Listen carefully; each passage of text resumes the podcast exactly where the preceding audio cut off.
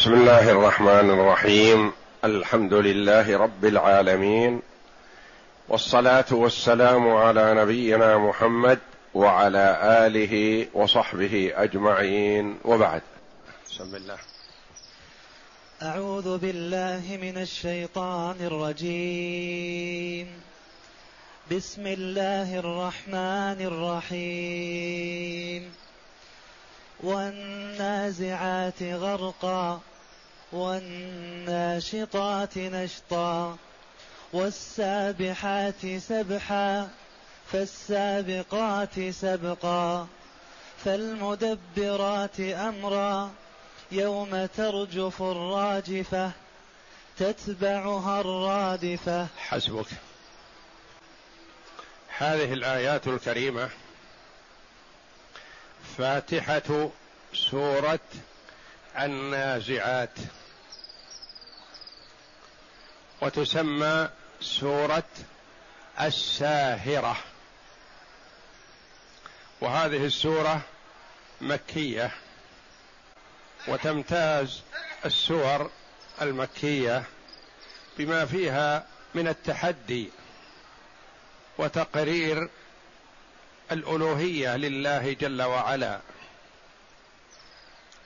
وتقرير إثبات الرسالة لمحمد صلى الله عليه وسلم وتقرير البعث والنشور والجنة والنار. وقد اصطلح العلماء رحمهم الله على أن المراد بالمكي ما نزل قبل هجرة النبي صلى الله عليه وسلم من مكة إلى المدينة خلال الثلاث عشرة سنة الأولى من بعثته صلى الله عليه وسلم حتى لو نزل خارج مكة. والمدني ما نزل من القرآن بعد هجرة النبي صلى الله عليه وسلم من مكة إلى المدينة ولو أنه نزل بمكة أو بالمشاعر بعرفات ومنى يسمى مدني أي بعد هجرة النبي صلى الله عليه وسلم من مكة إلى المدينة خلال العشر السنوات. لأن مدة حياة النبي صلى الله عليه وسلم بعد الرسالة ثلاث وعشرون سنة. منها ثلاث عشرة سنة بمكة يدعو إلى التوحيد. وهو أعظم وأهم ما بعث الله به الأنبياء صلوات الله وسلامه عليهم من أولهم إلى آخرهم. كلهم يدعون إلى توحيد الله جل وعلا. فهو أهم المهمات وهو أساس الدين وهو القاعدة التي تبنى عليها الأعمال الشرعية. فأي عمل يعمله المرء بدون توحيد لله جل وعلا لا فائدة فيه ولا ثمرة له كما قال الله جل وعلا في حق بعض الأعمال التي ظاهرها الصلاح من الكفار وقدمنا إلى ما عملوا من عمل فجعلناه هباء منثورا. لا قيمة له. والعمل وإن قل مع توحيد الله جل وعلا واتباع رسوله صلى الله عليه وسلم فإنه ينفع بإذن الله. فقوله جل وعلا والنازعات غرقا والناشطات نشطا والسابحات سبحا فالسابقات سبقا. الواو حرف قسم وجر. وهذه المتناسقة المتتابعة مقسم بها. أقسم الله جل وعلا بها. ولله جل وعلا أن يقسم بما شاء من خلقه. فهو جل وعلا يقسم ببعض المخلوقات للفت نظر العباد إلى عظمة هذا المخلوق وخالقه جل وعلا أعظم وأجل. والمخلوق لا يجوز له أن يقسم إلا بالله أو بصفة من صفاته. لما؟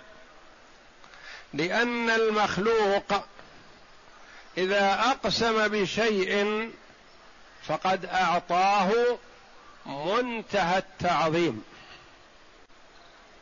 ولا يجوز لمخلوق لعبد من عباد الله أن يعطي منتهى التعظيم إلا الله جل وعلا والمستحق له. فأنت إذا أقسمت مثلا بالأبوين كأنك أعطيتهما منتهى التعظيم وهذا لا يجوز. من أقسم بالنبي صلى الله عليه وسلم فقد أعطاه منتهى التعظيم ومنتهى التعظيم لا يصح للنبي صلى الله عليه وسلم وإنما هو لله جل وعلا. ولذا قال النبي صلى الله عليه وسلم من حلف بغير الله فقد كفر أو أشرك. والقسم بغير الله جل وعلا شرك.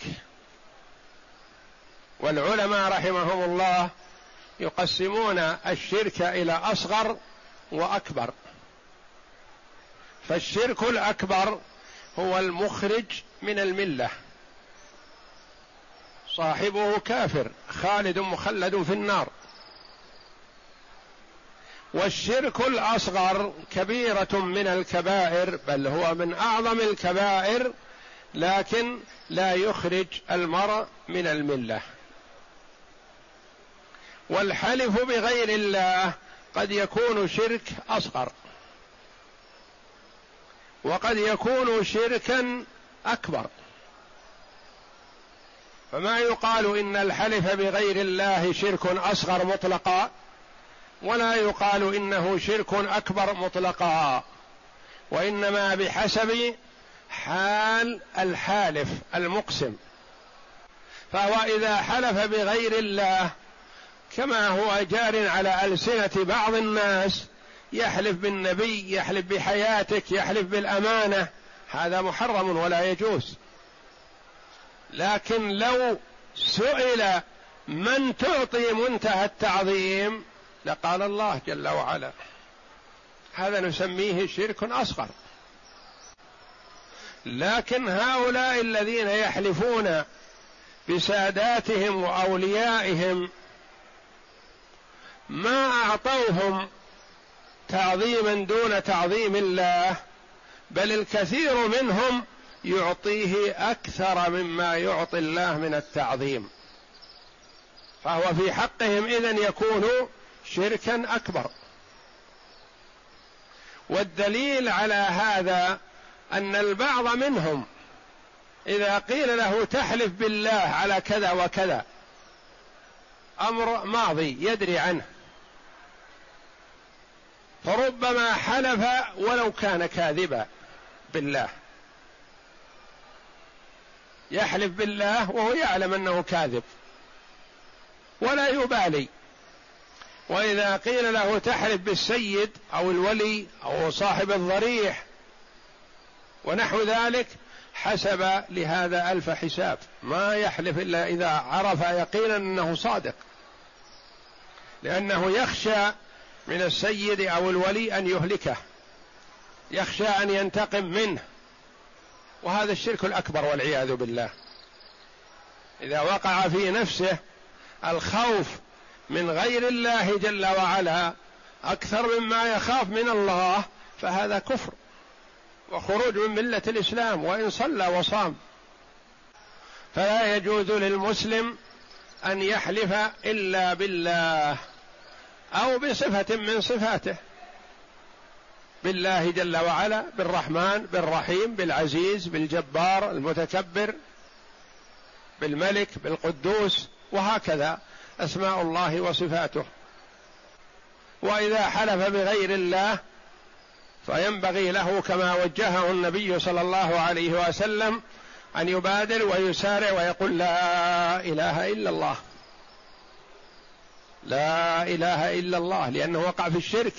فكأنه كفر ما وقع فيه بتوحيد الله جل وعلا. فلا يجوز للمسلم أن يحلف بغير الله جل وعلا. وعليه أن يتحاشى عن اليمين إلا ما اطمأن بأنه صادق فيه. فإذا وثق من صدق نفسه فلا حرج عليه أن يحلف ولا بأس. يقول عمر بن الخطاب رضي الله عنه لا تمنعكم اليمين من حقوقكم والله إن في يدي عصا ويهز العصا رضي الله عنه. لأن اليمين بالله والإنسان صادق توحيد وتعظيم لله جل وعلا والمرء مطمئن إلى صدقه فيما قال. وإذا كانت اليمين في حق مالي مثلا وتورع المرء عن اليمين خوفا أن يكون قد نسي أو حصل شيء غفل عنه وأعطى الحق المطلوب منه ولم يحلف بعدما توجه اليمين عليه فهذا حسن وورع. كما فعل عثمان رضي الله عنه. لما توجهت عليه اليمين في دعوى بينه وبين أحد الصحابة قال له حاكم القضية تحلف؟ أبى رضي الله عنه أن يحلف. وأعطى الحق المطلوب منه تورعا رضي الله عنه وقال أخشى أن يصادف قدرا أو يوافق قدرا فيقال بيمين عثمان. فتورع رضي الله عنه عن اليمين وأعطى المطلوب منه. وكذلك بعض التابعين رحمة الله عليهم توجهت عليه اليمين فتوقف عن اليمين وأعطى الحق المطلوب منه وإن كان عاجزا عنه. ويعتقد أنه لا يلزمه لكنه توقف عن اليمين. فالتوقف عن اليمين في الأمور المالية هذا حسن ويمدح به المرء. لكن إذا كان واثقا من يمينه فلا لوم عليه.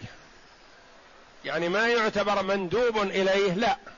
وإنما لا لوم عليه فيما إذا حلف إذا كان يجزم بصدق نفسه. فالله جل وعلا أقسم بهذه الأشياء. والنازعات غرقا. والناشطات نشطا والسابحات سبحا فالسابقات سبقا فالمدبرات أمرا. خمس. هذه أربع. الأولى اختلف المفسرون رحمهم الله في المراد بها. وهل هي كلها لمقسم به واحد أم مقسم به متعدد؟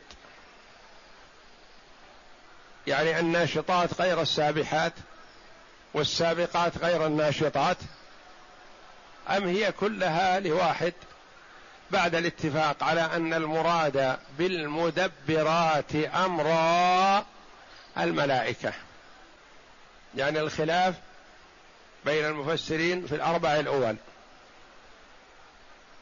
منهم من قال إن هذه الخمس كلها من أولها إلى آخرها كلها يراد بها شيء واحد وهم الملائكة عليهم الصلاة والسلام. ولكن لما تعددت الصفات واختلفت الألفاظ ناسب أن يعطف بعضها على بعض. فالخمس قالوا فيها الملائكة. هذا القول الأول. فتكون جميع المقسم بها هذه هي لمقسم به واحد وهم الملائكة. وصح أن يعطف بعضها على بعض لاختلافها في اللفظ والصفة. والواو في الأول هي تسمى حرف قسم وجر. والواو والفاء بعد هذا في العطف حروف عطف. عطفت مقسم به على مقسم به. يقول رحمه الله اختلفت عبارات المفسرين في هذه الكلمات هل هي صفات لشيء واحد أم لأشياء مختلفة على أوجه عند المفسرين؟ واتفقوا على أن المراد بالمدبرات أمرا وصف لشيء واحد وهم الملائكة عليهم الصلاة والسلام. الوجه الأول من هذه الأوجه أن المراد بالجميع الملائكة. فالنازعات غرقا يعني الملائكة تنزع أرواح الكفار من أقاصي أجسامهم كما يغرق النازع في القوس فيبلغ بها غاية المد منها ما يستطيعه. والغرق من الإغراق أي والنازعات إغراقا. قال ابن مسعود رضي الله عنه إن ملك الموت وأعوانه ينزعون روح الكافر كما ينزع السفود الكثير الشعب من الصوف المبتل. فتخرج نفس الكافر كالغريق في الماء. قول عبد الله بن مسعود رضي الله عنه الذي أثنى النبي صلى الله عليه وسلم عليه وعلى علمه يقول إن الملائكة تنزع روح الكافر بشدة وغلظة وقسوة غرقا. والنازعات غرقا. وشبه هذا رضي الله عنه كما جاء في بعض الأحاديث بنزع السفود من الصوف المبلول. السفود هي الشوكة الملتف بعضها على بعض وفيها شعب كثيرة شوكات. ليست شوكة واحدة تنزع. أو شعبتان فقط وإنما هي كلها شعب متعددة وقعت في صوف مبلول. عادة الصوف المبلول يرتص بعضه على بعض فتنزع ولا تخرج وحدها وإنما تخرج بالقوة معها شيء من الصوف. ونفس المؤمن كما سيأتي تخرج كما تخرج القطرة من في السقا من فم السقا. يعني السقا لصار فيه قطرات ماء وصل على فمه خرجت القطرات خفيفة متتابعة بسهولة ويسر. لأنها تبشر وترى مكانها من الجنة أو النار وتأتيها البشرى فتخرج بسهولة ويسر. وملك الموت يرفق بأرواح المؤمنين ويشتد ويغلظ في أرواح الكافرين.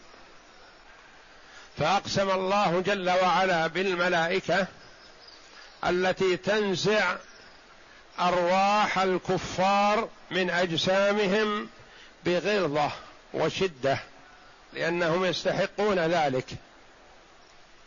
والناشطات نشطا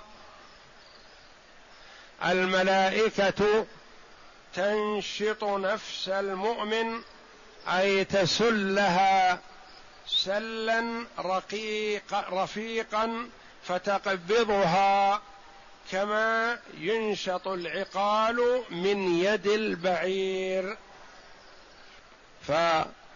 فالبعير عادة إذا عقل يعقل بالحبل ويكون الحبل هذا الذي جعل عقالا للبعير سهل الفك. هو يربط البعير ما يستطيع البعير أن يفك يده. مهما أعطي من قوة. لكن الراعي إذا أراد فك العقال يمسك بطرفه ويسله سل فيقوم البعير. وسيد القوم الذي لدغ فالتمسوا له كل علاج فلم ينفع فيه فعرضوا أمرهم على الصحابة رضي الله عنهم الذين نزلوا حولهم. هل فيكم من راق؟ إن سيدنا لدغ والتمسنا له كل علاج فلم ينفع فيه فلعل عندكم شيء. قال أحد الصحابة رضي الله عنهم نعم أنا راقي لكننا استضفناكم فأبيتم أن تضيفوننا. فلن أرقى لكم إلا بجعل. واتفق معهم على قطيع من الغنم إن برئ سيدهم. يعطونه قطيعا من الغنم. فذهب رضي الله عنه وقرأ عليه فاتحة الكتاب. قال الراوي فقام كأننا كأنما نشط من عقال. كأنه فك عقاله قام. فالناشطات يعني تأخذ. نشطا يعني أخذا برفق ولين. فالمقسم به الأول الملائكة التي تنزع أرواح الكفار بشدة وغلظة. والمقسم به الثاني الملائكة أنفسهم التي تسل روح المؤمن سلا خفيفا. وكلهم ملائكة. لكن أولئك ملائكة العذاب. وهؤلاء ملائكة الرحمة. وذاك يظهر له سوء حاله بما يرى من ملائكة العذاب. والمؤمن يبشر ويسر بحاله لما يرى من بشارة الملائكة حوله. يبشرونه وهو بين أهله وذويه لكن ما يستطيع أن يقول شيء. وإلا قبل أن يفارق أهله وقبل أن تخرج روحه يرى مكانه يبشر أو يرى الخوف والذعر والعياذ بالله. لكنه في تلك الحال ما يقدر أن يقول شيء. وكما قال الله جل وعلا إن الذين قالوا ربنا الله ثم استقاموا تتنزل عليهم الملائكة ألا تخافوا ولا تحزنوا وأبشروا بالجنة التي كنتم توعدون. هذا يبشر به وهو بين أهله وذويه ما خرج منهم. نسأل الله الكريم من فضله. جعلنا الله وإياكم منهم. تتنزل عليهم الملائكة ألا تخافوا. لا تخف مما أمامك لأن أكثر ما يخاف عليه الإنسان نفسه. ما يدري إلى ماذا يصير. ثم إذا أطمأن على مصيره حزن على أولاده ومن خلف. يخاف عليهم الضيعة. يخاف عليهم التعدي من يتعدى عليهم. فيبشر بهذا وهذا ألا تخف مما أمامك ولا تحزن على ما خلفت. لأن الله سيحفظهم بطاعتك إياه. وأما الجدار فكان لغلامين يتيمين في المدينة وكان تحته كنز لهما وكان أبوهما صالحا فحفظهما الله جل وعلا بصلاح الأب. إن الله يحفظ ذرية الرجل بصلاحه واستقامته وطاعته لله جل وعلا. فالملائكة تبشره بأن لا يخاف مما أمامه ولا يحزن على ولده. ولده سيتولاهم الله جل وعلا. وكما قال عمر بن عبد العزيز رضي الله عنه لما احتضر قيل له وص لأولادك ما عندهم شيء. وألحوا عليه وهو ما خلف شيء لكن لو أراد أن يوصي وصى لهم بيت المال لكنه رفض رضي الله عنه. قالوا وص لأولادك. قال لا. ما عندهم شيء وصبية كلهم صغار. قال لا. هم بين اثنين. إما فاسق فلا نعينه على فسقه. وإما صالح فالله جل وعلا سيتولاه. متقي يتولاه الله جل وعلا. لن يضيعه. فالله يتولى الصالحين. فالبشرى تنزل على المؤمن عند الاحتضار.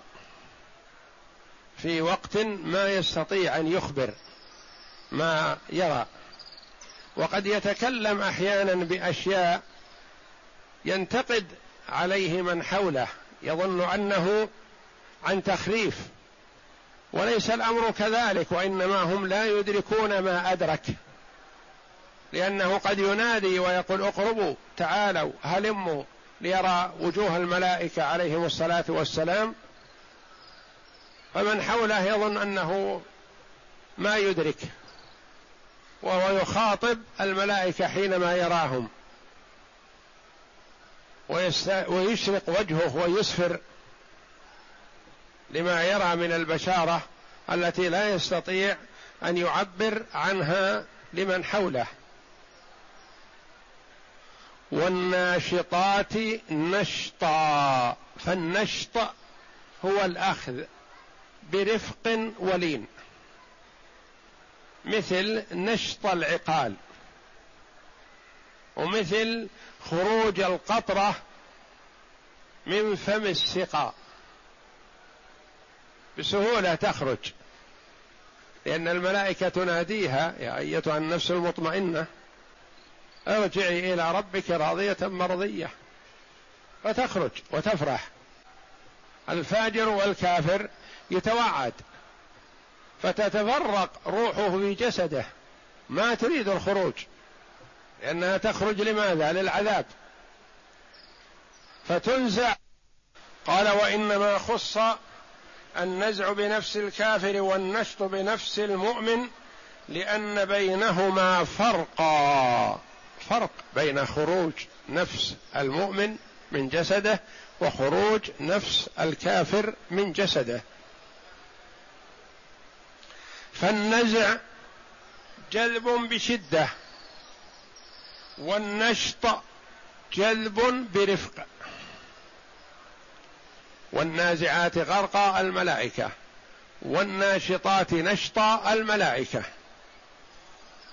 لهؤلاء ملائكه ولهؤلاء ملائكه والسابحات سبحا يعني الملائكة. يقبضون أرواح المؤمنين يسلونها سلا رفيقا ثم يدعونها حتى تستريح ثم يستخرجونها كالسابح في الماء يتحرك فيه برفق ولطافة. والسابحات سبحا. الملائكة تسل روح المؤمن وتدعها قبل أن تستخرجها استخراجا كامل تستريح. قالوا مثل السابح الذي يسبح بالماء شيئا فشيئا ثم يقف يركض ليستريح ويترد عليه نفسه عن المجهود الذي بذله. وقيل هم الملائكة ينزلون من السماء مسرعين كالفرس الجواد إذا أسرع في جريه يقال له سابح. فالجواد الفرس إذا سار في البيداء يقال له سابح يعني كأنه يسبح فهو يسير بسرعة. فالسابقات سبقا الملائكة. سبقت ابن آدم بالخير والعمل الصالح. أو قيل هم الملائكة تسبق بأرواح المؤمنين إلى الجنة. تسبق والسابقات سبقا إما أنها سابقة لكونها تسارع في الأعمال الصالحة فهم أسرع من بني آدم في العمل الصالح. أو السابقات سبقا تسبق بالروح إلى الجنة قبل الجسد. والجسد لا يزال في اعداد التجهيز. ما جهز إلى الآن. والروح سبقت. سبقت بها الملائكة ذهبت بها إلى الجنة. هذا القول الأول على أن المراد بالجميع الملائكة. والنازعات غرقا نزع أرواح الفجار والكفار. والناشطات نشطا سل أرواح المؤمنين الأتقياء البررة. والسابح والسابحات سبحا.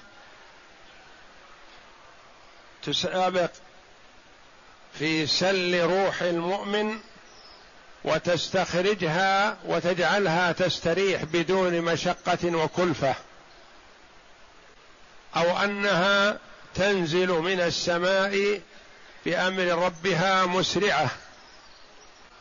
والسابقات سبقا الملائكة تسابق ابن آدم الصالح بالعمل الصالح الذي يرضي الله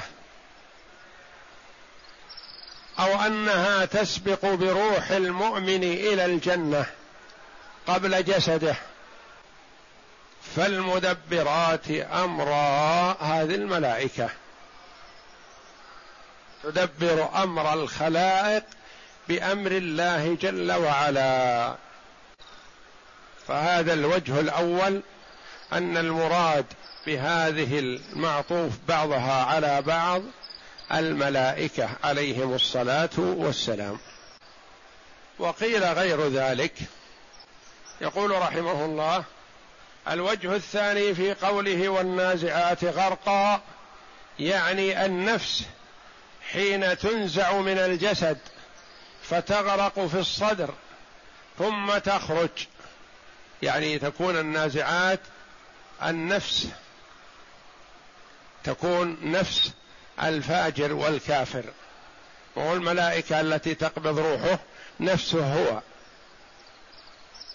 والناشطات نشطا قال ابن عباس هي نفوس المؤمنين تنشط للخروج عند الموت. لما ترى من الكرامة وذلك لأنه يعرض عليها عليه مقعده في الجنة قبل أن يموت.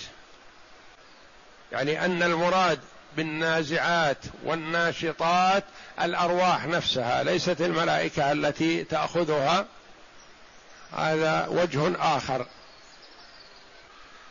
والسابحات سبحا يعني أرواح المؤمنين حين تسبح في الملكوت. فالسابقات سبقا يعني استباقها إلى الحضرة المقدسة إلى الله جل وعلا. يعني مسارعتها إلى الله جل وعلا. وقيل المراد بها النجوم وقيل غير ذلك. ولكن القول الأول هو الظاهر والله أعلم وهو الذي درج عليه كثير من المفسرين وبدأوا به أن المراد بها الملائكة وبهذه الصفات المذكورة. فالمدبرات أمرا الملائكة تدبر أمر الخلائق بأمر الله جل وعلا. لأن الملائكة عليهم الصلاة والسلام كثر وما يعلم عددهم إلا الله جل وعلا. وإذا علم أن البيت المعمور في السماء الدنيا بحذاء الكعبة كما ورد يدخله في كل يوم سبعون ألف ملك لا يعودون إليه إلى قيام الساعة. هؤلاء عباد في البيت المعمور. وما يعلم جنود ربك إلا هو.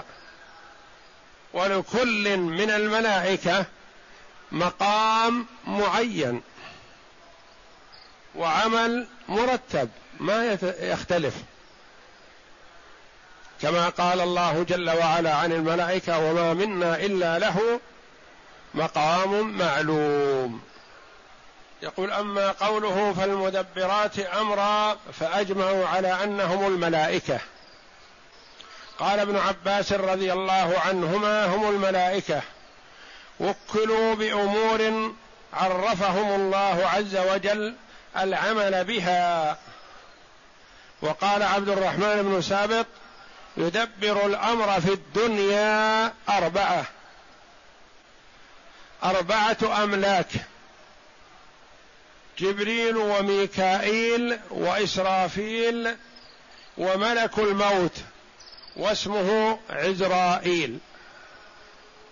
فأما جبريل فموكل بالرياح والجنود.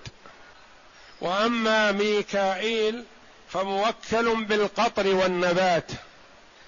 وأما ملك الموت فموكل بقبض الأنفس.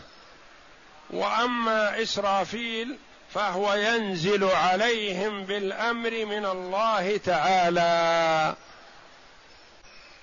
وقد أقسم الله جل وعلا بها لشرفها. وكلهم يدبرون ما أمرهم الله جل وعلا بتدبيره. وللملائكة عليهم الصلاة والسلام وظائف محددة معينة كل له وظيفته. فكان الوحي ينزل به جبريل عليه السلام. وملك الموت ومعه أعوانه لقبض أرواح بني آدم. والحفظة الذين يسجلون ما يعمله ابن آدم من خير وشر. وآخرون موكلون بحفظه لا يقع إلا فيما قدره الله جل وعلا عليه. وكما قال عليه الصلاة والسلام يتعاقبون فيكم ملائكة بالليل وملائكة بالنهار. ويجتمعون عند صلاة العصر وصلاة الفجر. فيسألهم ربهم وهو أعلم كيف أتركتم عبادي؟ فيقولون أتيناهم وهم يصلون وتركناهم وهم يصلون. قال العلماء رحمهم الله من كان يثني خيرا ففيه شبه من الملائكة فالملائكة عليهم السلام على ما يطلعون عليه من مساوي المسلمين يقولون أتيناهم وهم يصلون وتركناهم وهم يصلون. فملائكة الليل يأتون وهم يصلون العصر.